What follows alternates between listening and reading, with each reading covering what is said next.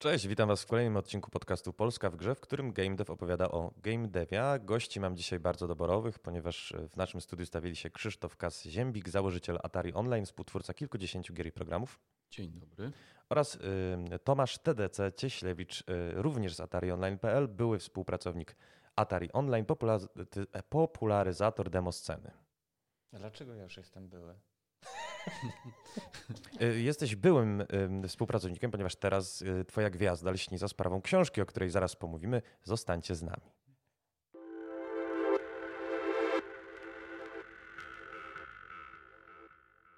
No właśnie, spotykamy się tutaj w przededniu wydania no, wywiadu rzeki. To może nagramy jeszcze raz ten początek, bo, bo tam błąd się pojawił. Wiesz co, y, zawsze wychodzę z założenia, że y, błąd jest wpisany w game dev i błąd jest też wpisany w naszą audycję. I sam piszesz bardzo dużo, w, znaczy mówisz Błędów. bardzo dużo w książce o błędach.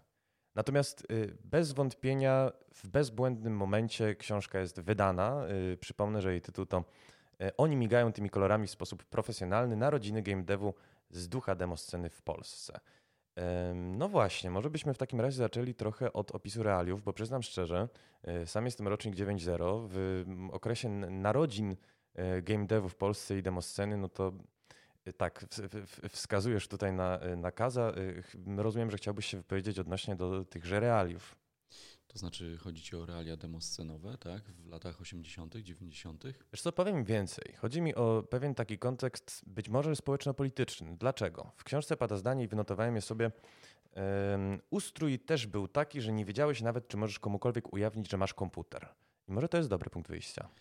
Tak, to jest taka zaszłość historyczna, y, bo y, czasy PRL-u to czasy realnego socjalizmu, komunizmu i militarnego bloku sojuszu ze Związkiem Radzieckim, także konkurowaliśmy z Zachodem tak zwanym, czyli z krajami takimi jak Stany Zjednoczone i e, inne i e, no niestety były bariery, bariery celne, finansowe, ekonomiczne, prawne, e, żeby sprowadzać komputery. Do 1984 roku nie można było sprowadzać komputerów z zagranicy do Polski bez zgody. E, no, co było śmieszne, bo my nie mieliśmy własnych komputerów, więc nie było jakby możliwości konkurowania w tym zakresie. Nasze komputery to były szafy e, w zakładach przemysłowych. Ale jak wspomina Tomek, pojawiły się też rozrywkowe automaty do gier, już tak w okolicach 81 po wybuchu stanu wojennego. Tak, bo o dziwo y, państwo polskie zdecydowało się na E, uruchomienie takiej instytucji, e, to była jakaś e, państwowa instytucja, nie? która się zajmowała właśnie sprowadzaniem tych automatów do Polski. To znaczy, oczywiście oni starali się ściągać te, które już za granicą były już przestarzałe mocno, tak? były wieloletnie. Natomiast dla nas w Polsce to było jakieś niesamowite odkrycie w ogóle. W latach 80. się pojawił Space Invaders, który już miał wtedy powiedzmy, nie wiem, 5 lat. I dla nas, jej, w ogóle, co to za genialne urządzenie, w ogóle grać można, jacyś kosmici coś tam e, strzelają do nas, prawda, i udźwiękowienie było też takie charakterystyczne w tej grze, więc to, to dla nas, twórców żyjących w tej szarej rzeczywistości socjalistycznej, o której właśnie mówił trochę przed chwilą Krzysiek, no po prostu e, to był powiew takiego zachodu, świeżości, w ogóle jakiegoś takiego innego świata. No, Przecież jeszcze zwróćmy uwagę na to, że wtedy mieliśmy jeden kanał telewizyjny. Tak, jeden. Jeden. Tak, my to nazywamy takim przejściem z szarości w kolor właśnie, bo te wszystkie ulice były pozbawione reklam. E, tam ten świat nam PRL-u się wydawał taki właśnie szary, e, przeciętny, po prostu nie wyróżniający się niczym, a tu nagle z zachodu przychodzą maszyny, przychodzą e, no, też właśnie gry, kolorowe, pomalowane, jeżeli chodzi o maszyny, właśnie automaty. Ten, ten świat koloru się do nas wdzierał i, i to było takie bardzo atrakcyjne, bardzo właśnie zachęcające do tego, żeby się tym zająć. Co to jest, dlaczego, jak? No właśnie, jeszcze, powiem wam, że... Mhm. Taka ciekawostka, że akurat automat Space Invaders y, to była taka sytuacja, że on właśnie jeszcze też, również na zachodzie, y, nie był do końca kolorowy, bo y, ten wyświetlacz był czarno-biały i tylko takie paski namalowano kolorowe na nim i w ten sposób obraz pojawiając się w pewnych znaczy w pewnych częściach obrazu się stawał w innym kolorze, także to też u nich też było wszystko nowość. Znaczy ja pamiętam, że w, z rozmowy z tobą, do której cały czas tutaj nawiązujemy, najbardziej mi utkwił taki przykład odnośnie do filmów, nawet nie game devu. To znaczy, że kiedy w Polsce szczytem science fiction był Pan Kleks w kosmosie, Amerykanie oglądają i wydają Gwiezdne Wojny.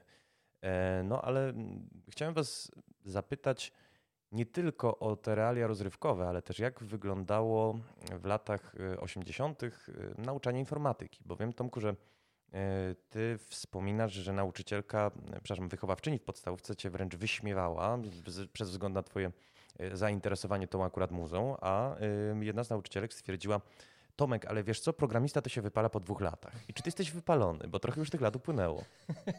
No tak, tak, ja już się wypaliłem po prostu w dzieciństwie, mając to kilkanaście lat i już teraz po prostu nie wiem, co z sobą zrobić w życiu.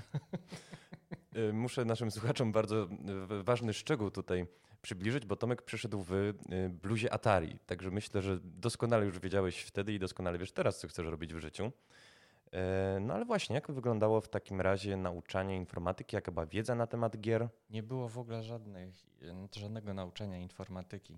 To nawet wiele lat później, kiedy byłem w liceum, to chciałem zdawać e, maturę z informatyki, mimo że nie było w ogóle takiej możliwości i specjalnie poszedłem e, do, e, jak to się tam nazywa, e, kuratorium, czy jakoś tak. I tam powiedziałem, że po prostu chcę zdawać z, informatyki, tak że po prostu ruszyłem wszelkie możliwe, żeby w ogóle coś takiego stało się możliwe i to się okazało, że to jest niemożliwe. Także to były czasy, kiedy nawet nie było najprostszych zajęć z informatyki. Natomiast niektóre szkoły miały pojedyncze komputery u siebie, tak? Natomiast też zorganizowanie sali, nawet jeżeli ten komputer był jeden, dwa czy trzy, e, to też było duże przedsięwzięcie i na przykład moja szkoła była o tyle zacofana, że stwierdzono, że to jest zbyt duży wysiłek i jedyny komputer, jaki mieliśmy ZX Spectrum w szkole, po prostu został zamknięty. Ja muszę przyznać, że mam jakby odmienne wspomnienia, dlatego że ja mieszkam we Wrocławiu praktycznie większą część życia. I Ale pochodzisz z z Dolnego Śląska. Dolnego Śląska, tak, dobrze. Tak, tak, także y, tam mieliśmy w czasach PRL-u taki zakład Elvro, który produkował komputery jako jeden z nielicznych w, w Polsce, czy w ogóle w krajach y, tak zwanego eurokołchozu, y, przepraszam, nie eurokołchozu, tylko krajów socjalistycznych. Niezbyt dobry eufemizm, muszę przyznać, tak. wręcz, wręcz antyeufemizm, nie wiem czy jest antonim, ale dobrze, kontynuuj proszę. tak i y, tam we Wrocławiu mieliśmy właśnie w liceum e, komputery Elbro, e, zresztą kilka połączonych w sieć, także to było bardzo zaawansowane jak na owe czasy. Ale to nie był internet. To znaczy zaawansowane jak na szkoły, bo Tomek widzę macha głową, że nie zaawansowane. E, tak, jeżeli porównywać do poziomu światowego, to nie, ale do poziomu innych szkół. No i poza tym ta, ta taka otoczka, klimat y, miasta, które właśnie ma zakłady elektroniczne, y, było technikum elektroniczne, w którym miałem wielu kolegów, także jakby nie było takiego y, takiej niechęci, o której mówi Tomek, że nauczyciele mogli powiedzieć, że informatyka to jest brak przyszłości. Nie było czegoś takiego. E, to znaczy, zwróćmy uwagę na to, że to nie był przypadek, e, to co teraz opowiedzieliśmy i to co jest w książce, dlatego że mało może kto o tym wie, ale wtedy, w czasach socjalistycznych, o dziwo, Wrocław właśnie był chyba najnowocześniejszym miastem w całej Polsce. E, więc to nie jest tak, że Krzysztof mówi, a bo u mnie były zakłady, u mnie było ten. Ogólnie Wrocław wtedy bardzo prężnie się rozwijał i był, e, miał właśnie różne fajne ulice, szybkiego ruchu i tak dalej, które rzeczy ogólnie rzecz ujmując, które nie istniały nigdzie indziej, e, na przykład właśnie w stolicy, w której mi przyszło żyć, tak? I... Ale dodam, dodam, że w pewnym względzie Tomek się nie myli, dlatego że mm, w Polsce były straszne problemy z informatyką. Ona była bardzo przestarzała. Jak badałem źródła, dokumenty E, czy czasopisma, tam wszyscy narzekali po prostu, mam na myśli profesjonaliści, a nie, nie, nie osoby z zewnątrz, e, czy wykładowcy akademicy, czy, czy właśnie uczestnicy, uczestnicy studiów, że te studia są bardzo zacofane, że są teoretyczne w większości z informatyki i po prostu e, był straszny odpływ ludzi z informatyki, bo nie można było dostać pracy po informatyce. Wiem, że to dzisiaj jest niewyobrażalne, ale wtedy właśnie. Y, Teraz nie można nie po informatyce dostać pracy. Tak, tak, tak, tak. Teraz to księgowe zostają informatykami po to, żeby zarabiać więcej.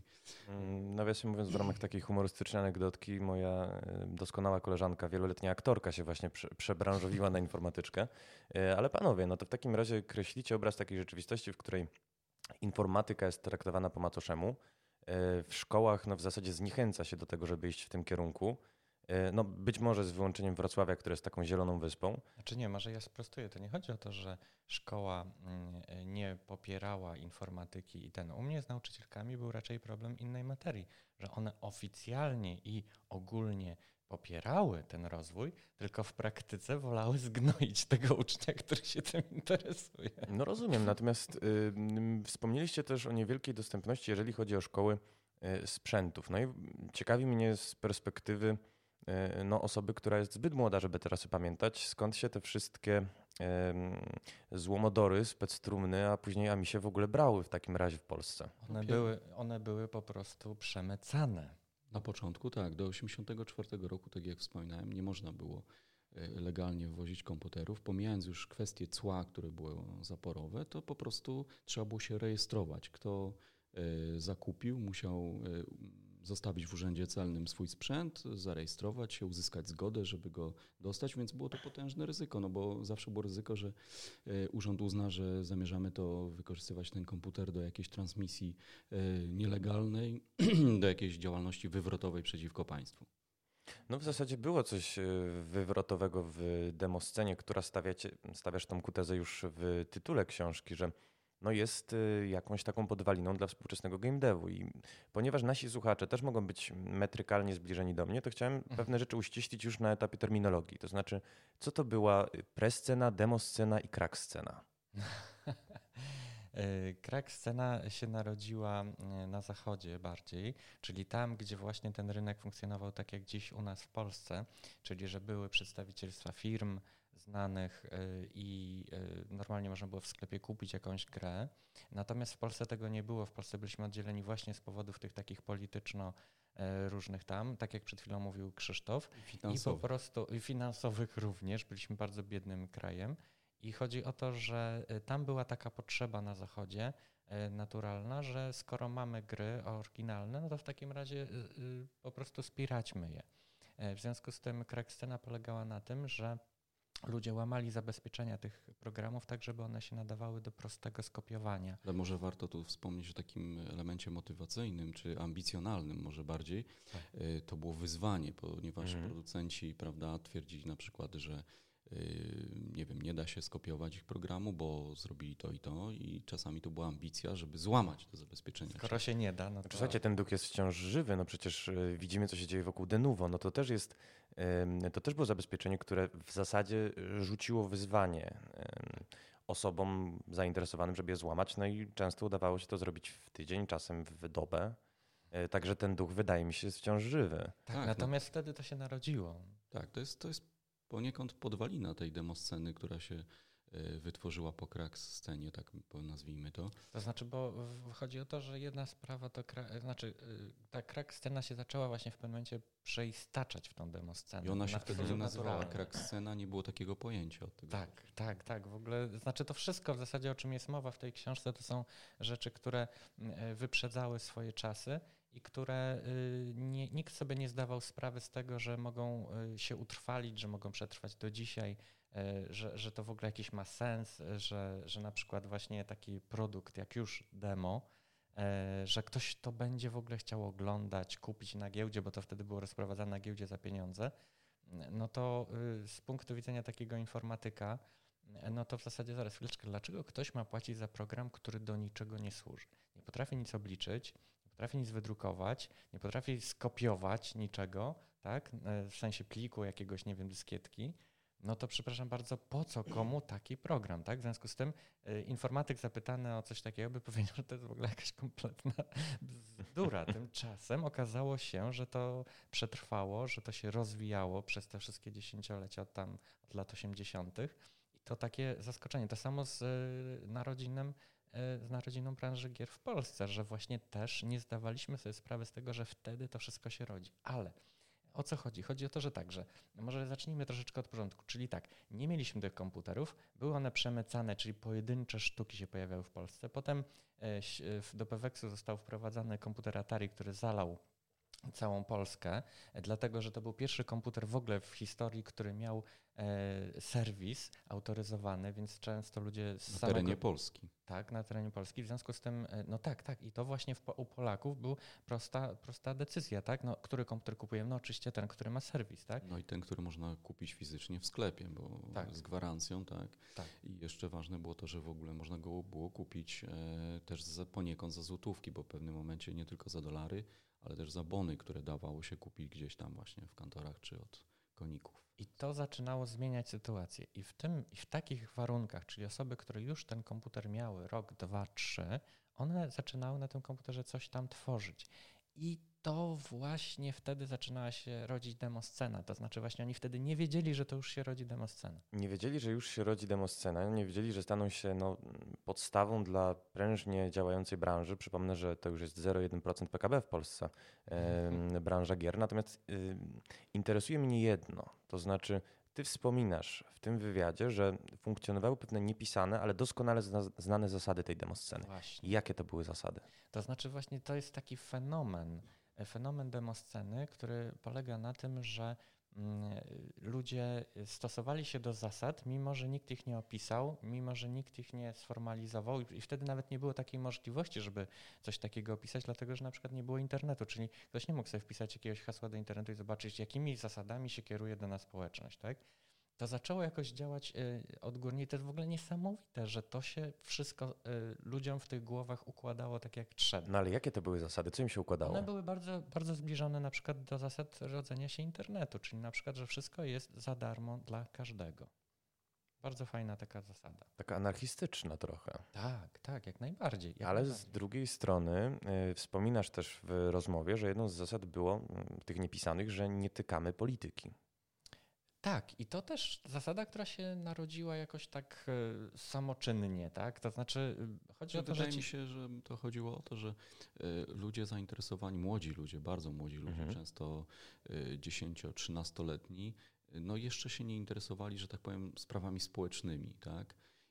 I, I, to jakby było naturalne. Zasada się wytworzyła może właśnie przez taką naturalność tego, że interesujemy się komputerami, interesujemy się, co, w nich siedzi, jak działa ta maszyna, a nie to, czy tam prawda, urządzać państwo czy świat w ten czy inny sposób. Znaczy, tak naprawdę ta społeczność zaczęła y, organizować państwo w państwie i właśnie się nie przejmowano tym, co się dzieje dookoła. Czyli właśnie na przykład to, że ktoś y, powiedzmy dostał od ciotki z zagranicy komputer, E, jakieś zagraniczne, tak, jakiegoś, nie wiem, Commodora na przykład, czy Atari, to na przykład chciał go sprzedać na giełdzie, to on się nie przejmował tym.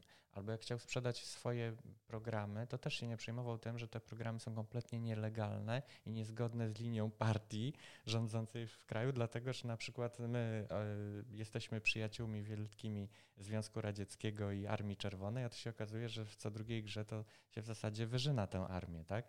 Więc za coś takiego to się po prostu szło wtedy do więzienia. Natomiast ci młodzi ludzie e, jakby się nie przejmowali w ogóle tym, co się dookoła nich dzieje. Oni sobie nie zdawali sprawy z tego, że jak napiszą prostą kartkę, instrukcję do danego programu, to to już powinno przejść przez cenzurę. A oni tego nie robili. Tworzył się tak jakby nowy świat, zupełnie nowy świat, to znaczy w umysłowości właśnie młodego pokolenia. Właśnie przyznam wam, że też postrzegałem w ogóle ten fragment jako no może jakieś takie, taką paralelę względem dzisiejszej sytuacji, bo bardzo często traktujemy gry jako eskapizm i wręcz część odbiorców y, zarzuca niektórym tytułom, że są zbyt polityczne, że biorą na, te, na tapet jakiś temat, którego nie powinny, ale y, wspominamy tutaj o piractwie. Ono jest cały czas takim trochę refrenem y, rozmowy i nie da się ukryć, że jest też refrenem książki. I y, jak w zasadzie wyglądała sytuacja do y, nowelizacji ustawy z 1994? Czy w ogóle warto wyjaśnić, że piractwo to też jest takie demoscenowe określenie e, kopiowania programów, kopiowania danych i e, właśnie nie przejmowania się jakimiś prawami autorskimi, bo formalnie, prawnie piractwo to dotyczy tylko, prawda, napadów na statki, tak? A tutaj jakby jest nowy właśnie język, który też demoscena sobie wytworzyła i piracenie czy piractwo to jest też właśnie jakby twór demoscenowy. Do właśnie tej nowelizacji, o której wspominałeś, istniała ustawa z 1952 roku o, o, o czym prawie nikt nie wiedział. Tak, ale właśnie, ponieważ no, ten system sądowy i prawny w Polsce był bardzo skostniały, ci ludzie w ogóle, mam na myśli sędziów, e, nie mieli pojęcia o, o takiej dziedzinie jak na przykład e, prawa autorskie czy e, szerzej jakieś tam prawo własności intelektualnej. Ono też było ze względu na właśnie tą walkę z Zachodem no, mocno naciągane czy nadużywane, bo prawda, wiemy wszyscy, że państwo nawet oficjalnie czasami kradło wynalazki czy, czy jakieś inne właśnie tego typu rzeczy. E, w związku z tym ryba psuje się od góry, tak? Skoro państwo sobie na to pozwalało, to i ludzie sobie na to pozwalali, a przy właśnie takiej e, degrengoladzie tego systemu wymiaru sprawiedliwości, to powodowało, że tak naprawdę mało kto sobie zdawał sprawę, że ta ustawa obowiązuje, że jest i że można by jej na podstawie ścigać, ale skoro e, ściganie wówczas czy rozprawy sądowe trwały latami, bo jeszcze było gorzej niż obecnie, no to nie miało to e, żadnego sensu praktycznego, bo wyobraźmy sobie, że ktoś kopiuje na giełdzie prawda, czyjś program i teraz e, przez 7 lat będziemy się ubiegać o odszkodowanie czy tam o zakaz tego rozpowszechniania, no to w czasach, gdy wszystko się zmieniało z miesiąca na miesiąc, czy z półrocza na półrocze, czy z roku na rok, nie miało to żadnego sensu ani ekonomicznego, ani prawnego. No z drugiej strony pamiętam, że prezes Paweł Marchewka, dzisiaj no jeden z najbogatszych ludzi w Polsce, prezes Techlandu, wspominał, że on biegał po Grzybowskiej i rzeczywiście zgłaszał takie przypadki na policję. Jaka no w tak, ogóle była, zdarzały się takie. No właśnie, jaka była atmosfera? Bo wy na Wtedy pewno była milicja jeszcze. No rzeczywiście czasy zamierzchłe, natomiast y, bardzo też interesuje mnie atmosfera, bo ja, ja się na to nie załapałem. Ja chodziłem rzeczywiście jako dziecko na giełdę w Krakowie, która się mieściła niedaleko Sanktuarium Bożego Miłosierdzia w Łagiewnikach, y, ale na Grzybowskiej za czasów jej świetności nigdy nie byłem. I jak to panowie wyglądało? No to było, przede wszystkim to się odbywało w szkole. W szkole. W takiej zwyczajnej szkole, jak chodziliśmy do podstawówek wtedy. One, te szkoły wtedy były tak trochę na, na tę samą modłę budowane, także wszystkie były identyczne. E, także to można sobie łatwo wyobrazić, jak to wyglądało. E, natomiast e, no, w zasadzie samo to, że ta giełda się w Warszawie pojawiła, to już było zhakowanie rzeczywistości tamtej, ponieważ nie można było takich rzeczy wtedy organizować. Natomiast tutaj właśnie różne myki były stosowane. Potem jeszcze była taka sytuacja, że próbowano tę giełdę zamknąć, to wtedy z kolei założyciel Jan Popończyk e, próbował z kolei ratować całe przedsięwzięcie jakimś znaczy, też bardzo W jaki sposób? E, no, może już nie będziemy tego dokładnie y, omawiać, bo to jest po prostu temat też na jakąś książkę. Szczególnie, że sam ten pan Jan jest super człowiekiem i naprawdę y, można na przykład odesłać do artykułu jego e, w Pixelu tam on opowiadał sporo z tych właśnie rzeczy. Można znaczy... jeszcze odesłać do takiego bardzo fajnego filmu dokumentalnego e, Marcina Kiendry i, i, kolegów e, właśnie na temat giełd komputerowych, bo te giełdy to były we wszystkich właściwie większych miastach w Polsce i tam można ten klimat sobie zobaczyć. We Wrocławiu też mieliśmy, tylko akurat nie w szkole, a na budynku, w budynku stołówki Politechniki Wrocławskiej. No dobrze, a powiedzcie mi, na ile się ten mój obrazek, który ja gdzieś tam mam pod, pod czaszką, na, na, ile jest aktualny? Bo ja pamiętam to tak, że wchodziło się, zawsze się miało swojego człowieka i w zasadzie nie powinno się iść do innego. E, on rozstawiał, miał takie, pamiętam, segregatory z płytami. E, oczywiście wszystko tam pod, podpisane jakimś e, maziakiem i on no, sprzedawał to, teraz mogę tak z perspektywy czasu chyba y, trochę powiedzieć, sprzedawał to oprogramowanie, te gry trochę jakby dystrybuował jakieś substancje psychoaktywne. A to I, mówisz o grach na PC, tak? No wtedy tak, mhm. już, już te czasy. Znaczy w, nas, w naszych czasach to były na kasetach. To były no to podnośnik tak. oczywiście inny, ale zastanawiam się, czy metoda działania, bo rzeczywiście było fopa iść do kogoś innego. No jeżeli się faktycznie nie pojawił twój człowiek na giełdzie, E, no to żeśmy szli z ojcem, gdzieś szukali, e, szukali jakiegoś substytutu. Wiesz co, może warto też wspomnieć, że skąd w ogóle jakby się wzięły giełdy. Giełdy na początku e, były luźnymi spotkaniami pasjonatów. Więc to nie było tak, że y, byli handlarze, tylko właśnie byli pasjonaci, To którzy znaczy pierwsi użytkownicy Często w tak. Polsce tych komputerów. tak, było, Pionierzy. była, Którzy mieli była potrzebę potrzeba, tak, była tak. potrzeba wymiany oprogramowania, no bo ty miałeś na przykład, nie wiem, y, dwie dyskietki z programami, a ktoś miał z innymi programami i teraz wymienialiście się za darmo. Tak, takie były początki tych giełd. Dopiero potem y, niektórzy zaczęli to robić odpłatnie, no bo wiadomo, jest to czas, y, jest to kwestia nośnika i tak dalej. I, I to coraz sz- więcej ludzi tak, chciało. I szybko się. I, tak, i na początku to były więzi przyjacielskie, koleżeńskie, a potem, gdy bardzo dużo ludzi zaczęło potrzebować to oprogramowanie, y, to byli ludzie obcy, więc od nich się już brało pieniądze. Ci, którzy tam zaczęli działać na tych giełdach, po prostu byli, stali się handlarzami. Tak? I też bardzo ciekawa sytuacja jest taka, że e, te dzieciaki, takie właśnie jak my byliśmy wtedy w takim wieku kilkunastoletnim, e, zarabiały na sprzedawaniu tych gier naprawdę ogromne pieniądze, które były przerażające nawet dla ich rodziców, którzy chodzili codziennie do pracy. To była szkoła biznesu, szkoła właśnie tego, co potem y, stworzyło polski game dev. No przecież i Chmielarz, i wspomniany Marchewka, i Tak, założyciele CD tak. Projektu, oni wszyscy zaczynali Tak, właśnie na tak. Grzybowskiej. Oczywiście, oczywiście.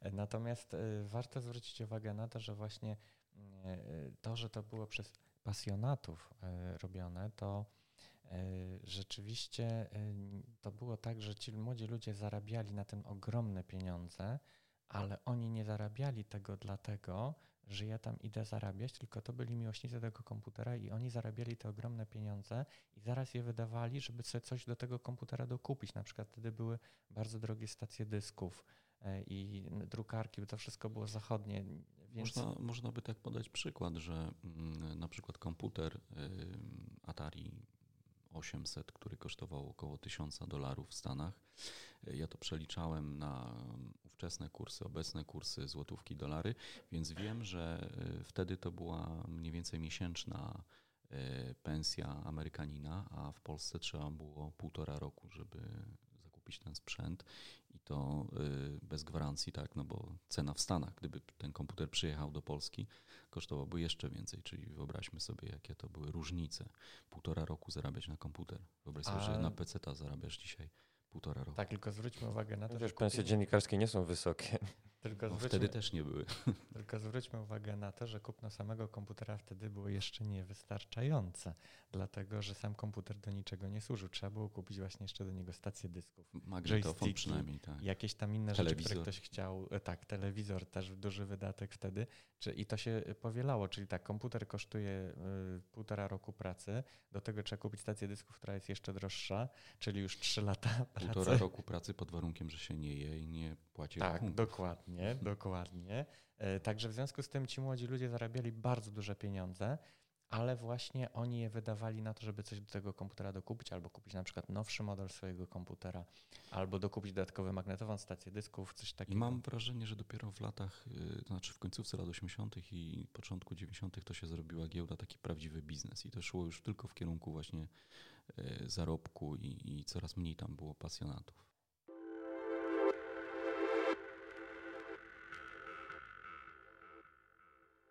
Mam pytanie, bo ym, oczywiście nie zrehabilitowaliśmy tutaj piractwa, natomiast wskazaliśmy na pewne, ym, no, pewne jego przyczyny. To, że przykład idzie z góry, to, że jest y, złe prawo, to, że żyjemy w gospodarce niedoborów. Ja może, ja może Ale, podam ym, przykład, że wtedy nawet do takich rzeczy dochodziło, że Amerykanie robili jakiś super ekstra nowoczesny e, samolot e, wojskowy, a na przykład e, za naszą granicą e, budowano dosłownie identyczny, tak?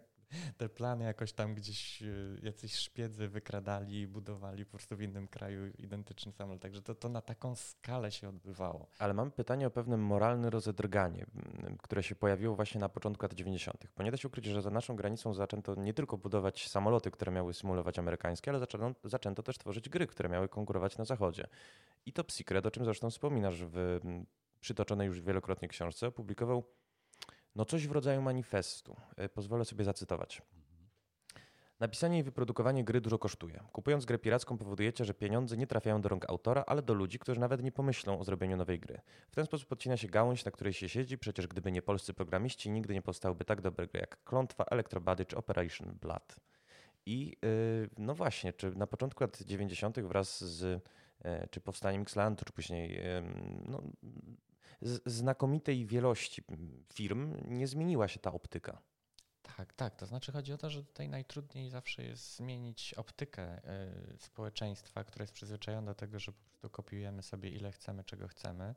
Y, to dokładnie jest opisane w tej książce, czyli właśnie to, jak naprawdę y, też również pozytywnie to wpływało na po prostu rozwój informatyzacji całej Polski, która nie była zinformatyzowana, była zdecydowanie szara i analogowa.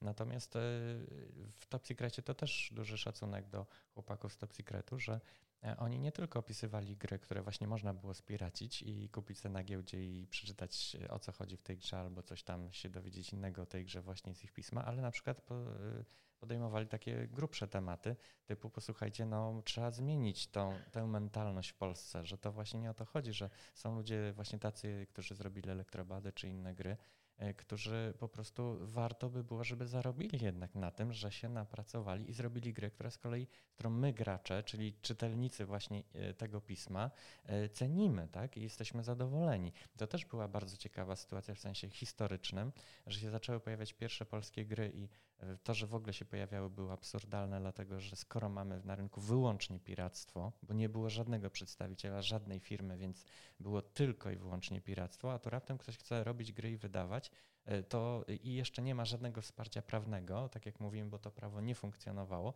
więc to było totalne szaleństwo, żeby w ogóle wydawać gry.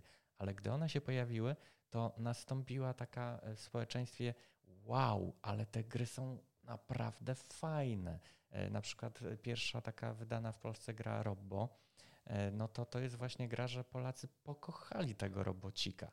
Poza tym... Wręcz czy twierdzisz, że jest w Polsce obok Wiedźmina najbardziej znaną postacią, jeżeli chodzi o świadomość e, społeczną? Tak, ja tak. na przykład od lat próbuję promować właśnie Robbo jako taką ikoniczną postać. E, polskiego game devu, żeby polski game dev e, nie kojarzył się wyłącznie z Wiedźminem, bo wszyscy właśnie traktują to jako taki punkt odniesienia, bo się stał rozpoznawalny na świecie. E, ale właśnie Robbo. Robbo jest takim sympatycznym robocikiem. Wiele osób go pamięta. Okazuje się, że pan Wiesław Migut, który kiedyś właśnie był jednym z szefów w firmie Karen, dystrybutora Atari w Polsce, obecnie jest e, właśnie biznesmenem, który spotyka się z innymi biznesmenami, taki, takimi ze świecznika powiedzmy znanego. E, i on twierdzi właśnie, że często ma taką sytuację, że poznaje swoich kolegów, którzy właśnie zajmowali się w swoim czasie Atari, którzy nawet handlowali na giełdzie często, także to są takie historie. I E, oni pamiętają Robbo. Pamiętają Robbo, zresztą wiele osób, czy to kobiety, czy mężczyźni, e, po prostu sobie przypominają taką postać. I, i to była, e, ta, ta gra poruszała, że tak powiem, umysły wielu ludzi. Naprawdę, to była gra, która zarówno bawiła dzieci, które mogły sobie nawet projektować własne poziomy, jak i starsze osoby. Także całe rodziny w to grały. Y, Tomek y, chciał tutaj y, z komentarzem wystąpić. Tak, to znaczy ja bym chciał opowiedzieć jeszcze zupełnie inną historię, mianowicie jestem zapalonym wikipedystą od Hoho i Hoho i kiedyś zaskoczyła mnie Wikipedia Polska, mianowicie właśnie w ogóle nie było takich haseł informatycznych, growych wtedy Wikipedii, albo były takie zalążki tylko, więc ja właśnie chciałem to jakoś rozwinąć. No i e, w pewnym momencie odkryłem, że jest taki projekt, który się nazywa Kanon Polskiej Wikipedii, który teraz już chyba nie istnieje. I e, tam między innymi e, było, znaczy ogólnie chodziło tam o wskazanie jakichś takich bardzo charakterystycznych dla Polski haseł, które są już w Wikipedii opisane. I tam się okazało, że właśnie w grach komputerowych na pierwszym miejscu wskazano Robo. I ja wtedy tak się naprawdę zaskoczyłem, że działam sobie w zupełnie innym świecie y, właśnie takiego, takiej nowoczesności wtedy, czyli Web 2.0. A tutaj raptem się okazuje, że jacyś ludzie, z których w ogóle nigdy nie widziałem na oczy, y, ustalili, że właśnie to Robo jest na pierwszym miejscu, jeśli chodzi o gry polskie i trafiło to też takie ciekawe sformułowanie do kanonu polskiej Wikipedii. I w środowisku, w którym się kompletnie nie spodziewał y, znajomości tematu, się okazało, że jednak ludzie mieli tę świadomość i to pokazuje, że naprawdę bardzo głęboko w polskim społeczeństwie e, funkcjonuje e, właśnie Robbo? No my tutaj, ja mówię my w sensie nie tylko Atari Online.pl, ale też w ramach UBU Labu, to jest takie laboratorium komputerowe zajmujące się kulturą właśnie na Uniwersytecie Jagiellońskim. Cyfrową kulturą. Tak, cyfrową kulturą, ale nie tylko. Propagujemy Robbo jako właśnie taką postać ikoniczną i nawet nie tylko polskiego game devu, ale w ogóle polskiej popkultury. E, między innymi zajmujemy się tym od strony naukowej, także powstają artykuły i mamy też y, większe ambicje, na przykład uczcić któreś tam lecie powstania gry. No to wszystko, że tak powiem, z czasem się okaże. Co się no, no oczywiście zapraszam wówczas do kontaktu z serwisem Polski Game Dev.pl, który bardzo chętnie się do obchodów przyłączy. Natomiast y, panowie, bo wątków jest jeszcze bardzo dużo, jesteśmy mniej więcej w połowie naszej audycji, mhm. E, natomiast szokująco mało powiedzieliśmy o tej demoscenie i mnie szczerze mówiąc bardzo ciekawi y, chociażby ten język, o którym wspomniałeś, że e, wykształciła własny, czy piractwo, sam termin się wywodzi właśnie z, y, z niej. Czy jeszcze były jakieś takie sformułowania, taki, tak znaczy, powiedziałbym, socjolekt? Znaczy, trzeba przede wszystkim zwrócić uwagę na to, że E, słowo piractwo dzisiaj się kojarzy bardzo pejoratywnie, natomiast wtedy piractwo to nie było tak, że to było coś złego, że to był jakiś łamacz prawa i tak dalej, bo właśnie tego prawa nie było. No do 94 rób ta co chce ta. Dokładnie. W związku z tym e, w termin piractwo e, był raczej taki okej. Okay, Może że... kojarzył się bardziej z takim właśnie z takimi przygodami pirata, tak? który E, łamie te zasady takie narzucone przez właśnie nie wiadomo właściwie kogo. E, no i pirat jest taką osobą, która potrafi zrobić coś więcej, jest przebojowa, tak? Może w ten sposób. E, jeżeli mówisz o tym języku, to chciałem Ci powiedzieć, że do właśnie no, późnych lat 80. ciężko było z terminologią. W ogóle E, w języku polskim nie było odpowiednich terminów e, informatycznych opisujących wszystko, co jest związane z komputerami.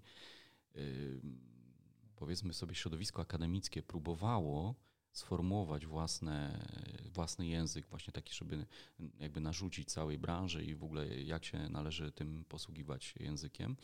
Ale to, to jakby te dwa światy się rozjeżdżały. Ta oficjalna informatyka, o której tu wspominaliśmy, która była mocno teoretyczna, Y, która często działa się na wielkich maszynach jak szafy, która nie miała nic wspólnego praktycznie z tym środowiskiem ludzi bardzo młodych, którzy zajmowali się komputerami domowymi, no to właśnie te, te, dwa, te, dwie, te dwa światy się rozjeżdżały. I ta terminologia, y, ta informatyczna, nigdy się nie przyjęła y, tak naprawdę. Może w jakiejś tam części, oczywiście tak, ale, ale wiele terminów wymyśliła społeczność tych młodych ludzi. A dałbyś mi przykład takich terminów? Znaczy przede wszystkim trzeba było nazwać cokolwiek, wiesz, czyli stację, wiesz, co to jest, dyskietkę. Wiesz co to wszystko. jest digitalizacja, albo digitizer, albo y, na przykład skaner. O, skaner jest dobrym przykładem. Mhm. Wiesz co to jest skaner, no tak? tak. Oficjalna e, informatyka w latach 80. proponowała takie sformułowanie omiatacz. Omiatacz. Omiatacz. Znaczy, yy, chcesz mi powiedzieć, że mieliśmy trochę jak Francuzi, którzy mają na tym punkcie chyzia, tak. yy, że chcieliśmy znaleźć polski odpowiednik. Tak, powstawały takie bardzo śmieszne czasami yy, językowe potworki, które wszyscy pewnie znają. Tam y, manipulator kulostołotoczny, który oznaczał joystick, tak? No i taki pewnie można by wymieniać dużo, ale niektóre sformułowania bardzo mi się podobają, bo na przykład omiatacz jest bardzo celnym e, określeniem tego, co tam się dzieje tak, w skanerze. No ale z jakich względów się nie przyjęło?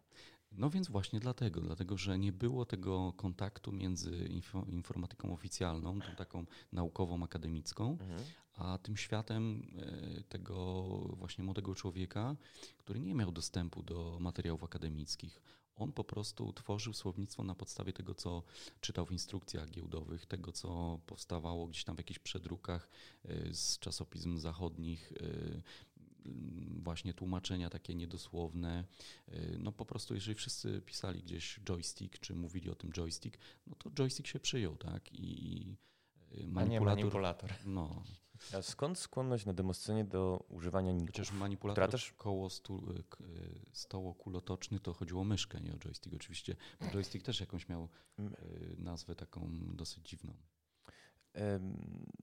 Nie mam pojęcia, jak mam na to zareagować. To znaczy, cały czas próbuję odtworzyć ten manipulator w pamięci już nie jestem w stanie, a minęło kilka sekund. Kulotoczny. Stoło kulotoczne. Na stole kula, która się toczy, tak? Pod spodem. Makes sense. Znaczy teraz już się nie toczy, więc. To znaczy, ja, ja, może, ja może jeszcze wytłumaczę jedną ważną rzecz, mianowicie taką, że przecież wtedy nie było lekcji języka angielskiego albo były bardzo rzadkie. W szkołach wtedy uczono języka rosyjskiego jako, jako e, język, prawda, że tak powiem, absolutnie obowiązkowy.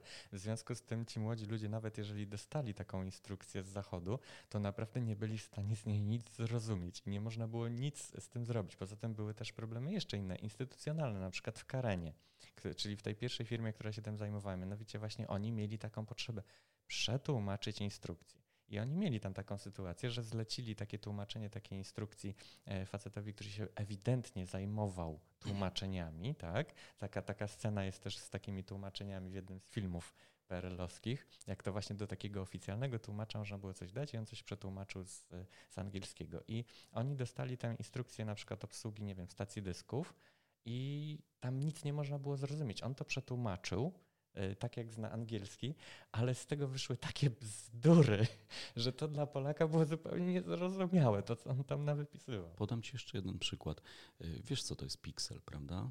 To jest siłą rzeczy, najmniejszy tak. element ekranu widoczny. Tak jest, tak, tak. Y, a wiesz, co to jest grelociąg? Grelociąg. Grelociąg. Mam w tym momencie. Mogę zapauzować audycję i sprawdzić na Wikipedii, ale mm, też nie wiem, czy znajdę. Że nie znajdziesz. Że nie, no właśnie. Że nie znajdziesz, to jest z encyklopedii właśnie informatyki e, z lat 80., nie pamiętam, chyba 83 rok.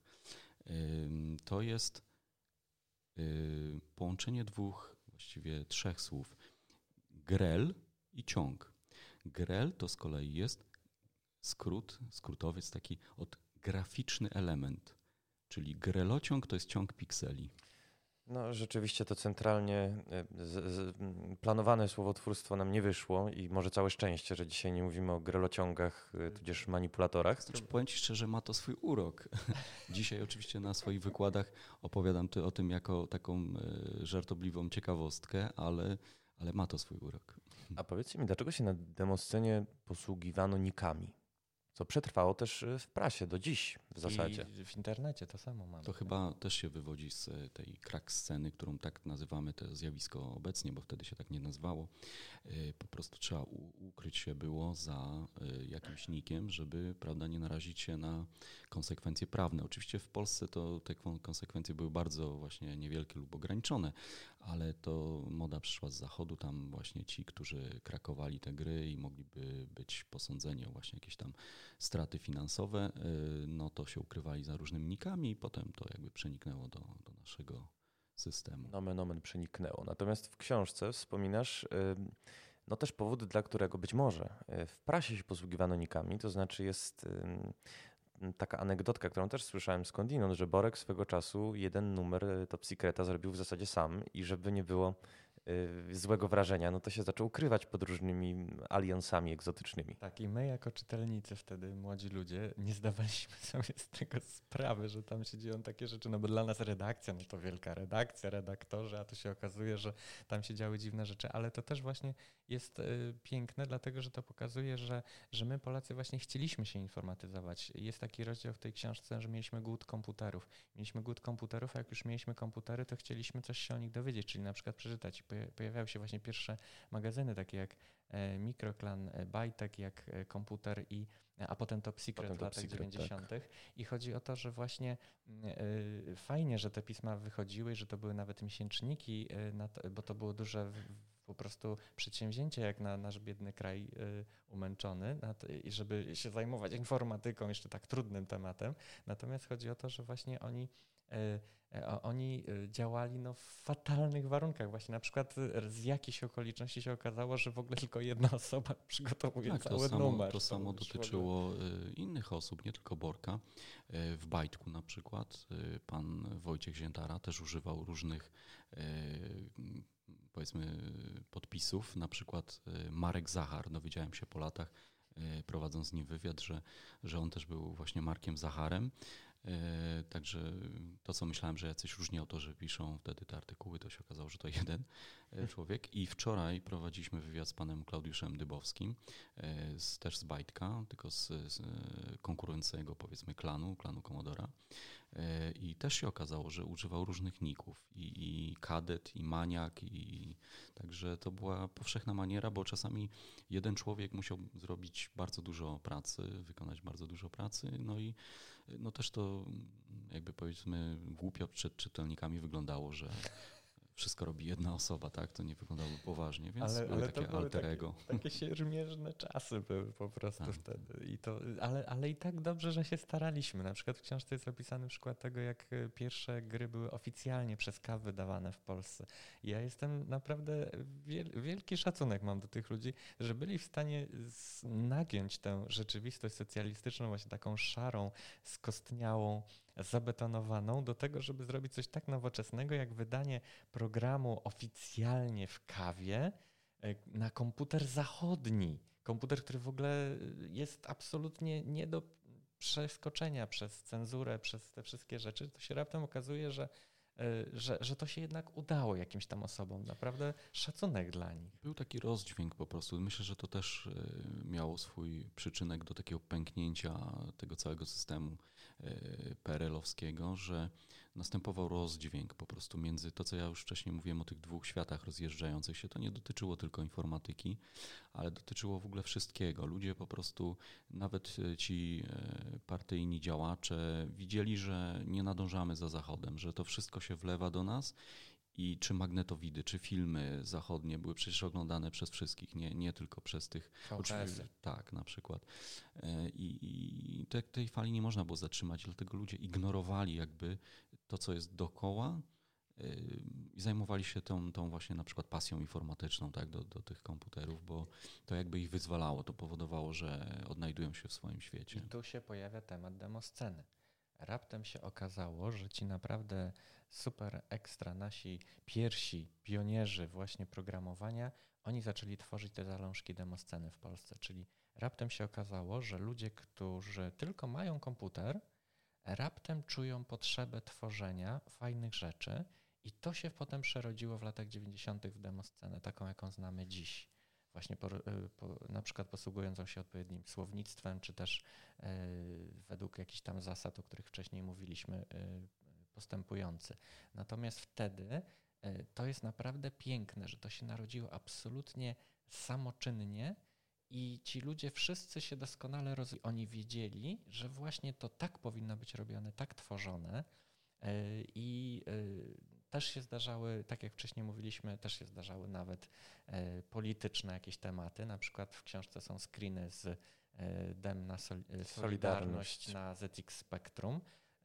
I, I chodzi o to, że mm, no, z jednej strony właśnie było wiadomo, że, że w zasadzie się polityką nie zajmujemy, z drugiej strony jakieś tam pojedyncze, dosłownie pojedyncze przykłady były dopuszczane. E, się pojawiały, tak? Czy coś, co jakby ożywiało, tak? tak? Było zgodne z tym duchem takiej wolności. No bo... Właśnie.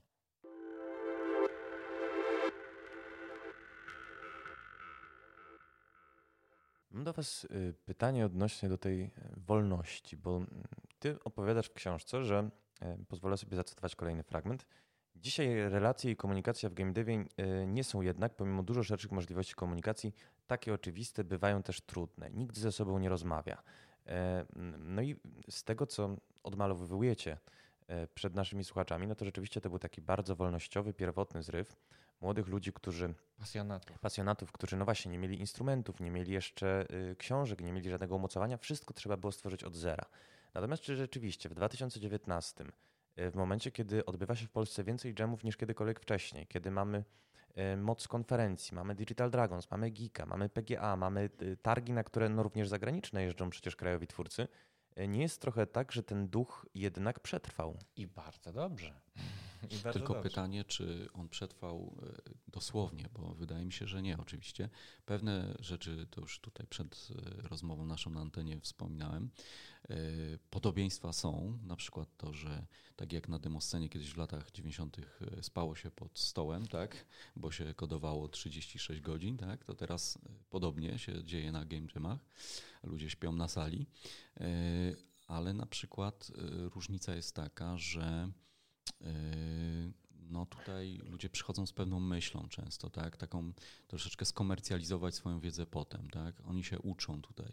Game Jamy to jest bardziej właśnie taka nauka. Oczywiście część ma chęć przyjechać dla samego klimatu, to jest jasne. Znaczy, ja, ja Ale może, na demoscenie ja może... to była raczej wyłączna y, motywacja. Nie było tak, że ktoś myślał, a dobra, to za pięć lat mnie zatrudnią w jakiejś firmie. Y, nawet y, tak. odwrotnie były takie czynniki zniechęcające, że to na pewno się do niczego nie przyda. No ale teraz zauważ, że wręcz jest, wręcz bywają dżemy, takim, istnieje tam odwrotny kierunek przepływu. Są pracownicy jakichś korporacji, którzy robią gry na platformie mobilnej i chcą się właśnie wyszaleć. Może niekoniecznie tak. wyszaleć, naimprezować. I to, i to już, i to już zbliża śmiałego. do demosceny, tak, tak.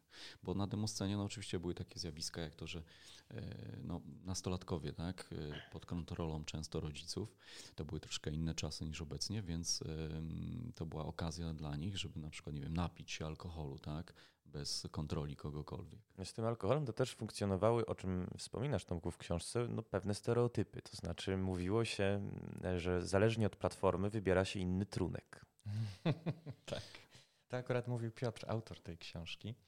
E, natomiast rzeczywiście y, te społeczności się zaczęły dzielić tej demosceny e, i nie, i nie tylko, zaczęły się dzielić e, na platformy.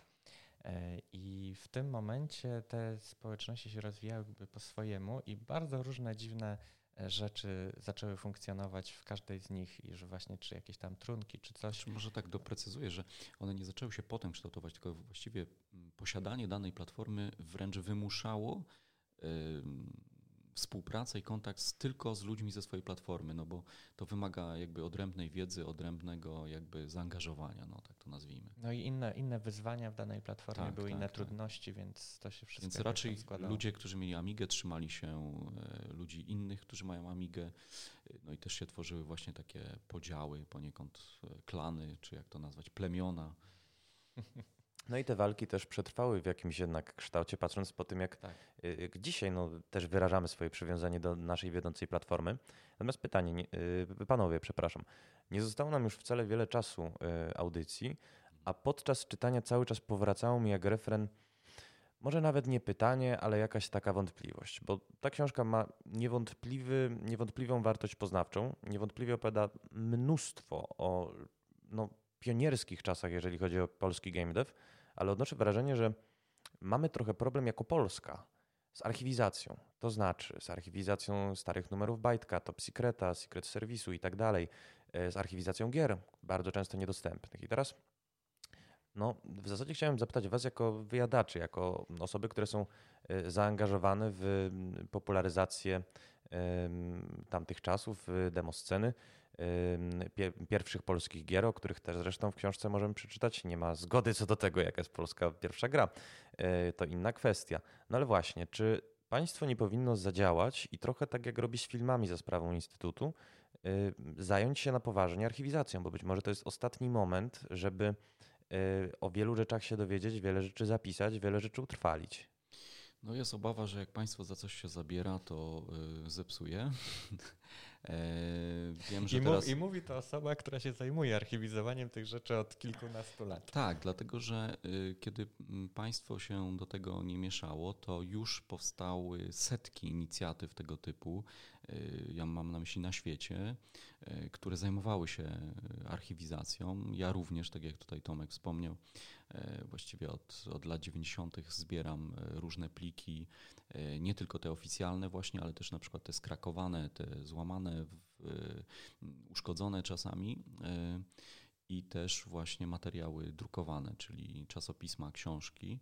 E, tworzyliśmy z nich właśnie, bo to nie tylko ja, ale też cała grupa ludzi, którzy bezinteresownie mnie wspierali, skanowaniem, czy też mówiąc po staropolsku, omiataniem materiałów.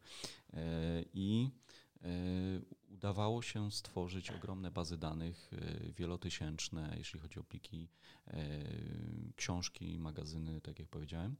I na świecie też to się dzieje oddolnie. To się dzieje oddolnie. Ludzie wymyślali e, fantastyczne metody archiwizacji, e, zarówno dyskietek, czyli tych prawdziwych nośników, kaset i tak dalej. I to się działo bez udziału państwa. No, po prostu najfajniej by było, gdyby państwo nie przeszkadzało. O. A niestety właśnie prawo autorskie w wielu przypadkach przeszkadza, dlatego że nie odróżnia czegoś takiego jak no, na przykład archiwizacja, tak, w jakichś tam celach właśnie zachowania dziedzictwa kulturowego. I to jest ogromny problem, z którym y, teraz się mierzymy, bo kiedyś to jeszcze mierzyłem się dodatkowo właśnie z oskarżeniami o tam, y, prawda, gromadzenie rzeczy, które są czyjeś, ale problemem na przykład współczesnym, i to powie każdy wydawca takich programów retro, czy, czy których chce uzyskać zgodę od dużych firm typu, nie wiem, Nintendo, Sega czy jakieś inne, że po pierwsze y, ciężko jest uzyskać jakąkolwiek zgodę na wykorzystanie y, materiałów z przeszłości. Po drugie, te firmy tych materiałów nie mają i często sami korzystają z piratów. Jeżeli na przykład robią sobie konsolę E, która wykorzystuje prawda, programy gry z przeszłości, to sami korzystają właśnie z tych archiwów, które jeszcze do niedawna mówiono, że są prawda, nielegalne czy właśnie niewłaściwe moralnie. Tak? Tu warto też wspomnieć taka krótka dygresja, że piractwo jako, czy, czy kopiowanie Y, jako norma moralna powstało dopiero w latach 80., pod koniec nawet. Y, I zaczęto realizować plan konferencji takiej y, międzynarodowej, w której właśnie Stany Zjednoczone dogadały się ze Związkiem Radzieckim, że w 1988 roku to była ta konferencja, że od tego momentu zaczną właśnie promować tworzenie normy moralnej, że kopiowanie to jest kradzież. I tak naprawdę współcześni e, ludzie nie zdają sobie sprawy, że e, właśnie te wszystkie reklamy typu kopiowanie, kradzież przed filmami i tak dalej, to jest jakby konsekwencja właśnie tej konferencji, w której e, od, od czasu, w której próbuje nam się wmówić, że kopiowanie to jest kradzież. Nie, nie zawsze jest kradzież.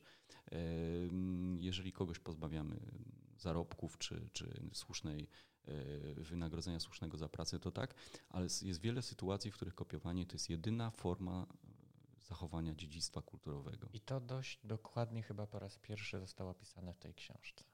E, do której zakupu bardzo serdecznie e, zachęcamy. Przypomnisz mi, kiedy oni migają tymi kolorami w sposób profesjonalny, wchodzi do księgarni? Do, ksier- do księgarni najprawdopodobniej się pojawi, znaczy wejdzie na początku przyszłego roku, czyli 2020. Z tego, co mówił Piotr, czyli e, autor, współautor tej książki, e, a jednocześnie właśnie współwłaściciel tego wydawnictwa Hart, które wydało tą książkę, e, już w pierwszej księgarni bodajże przed gwiazdką ma być w dostępna książka, no ale to wszystko Czyli się to okaże. tak jak za dawnych czasów, że tak, tylko w jednym tak. sklepie można było coś Tak, no to nawet, nawet za sprawą dystrybucji widzę, wracamy, wracamy do tych pionierskich czasów. Panowie, bardzo wam serdecznie dziękuję za rozmowę. Moimi gośćmi byli Krzysztof Kas-Ziembik. Bardzo miło, dziękuję. Oraz Tomasz TDC Cieślewicz. Również dziękuję bardzo.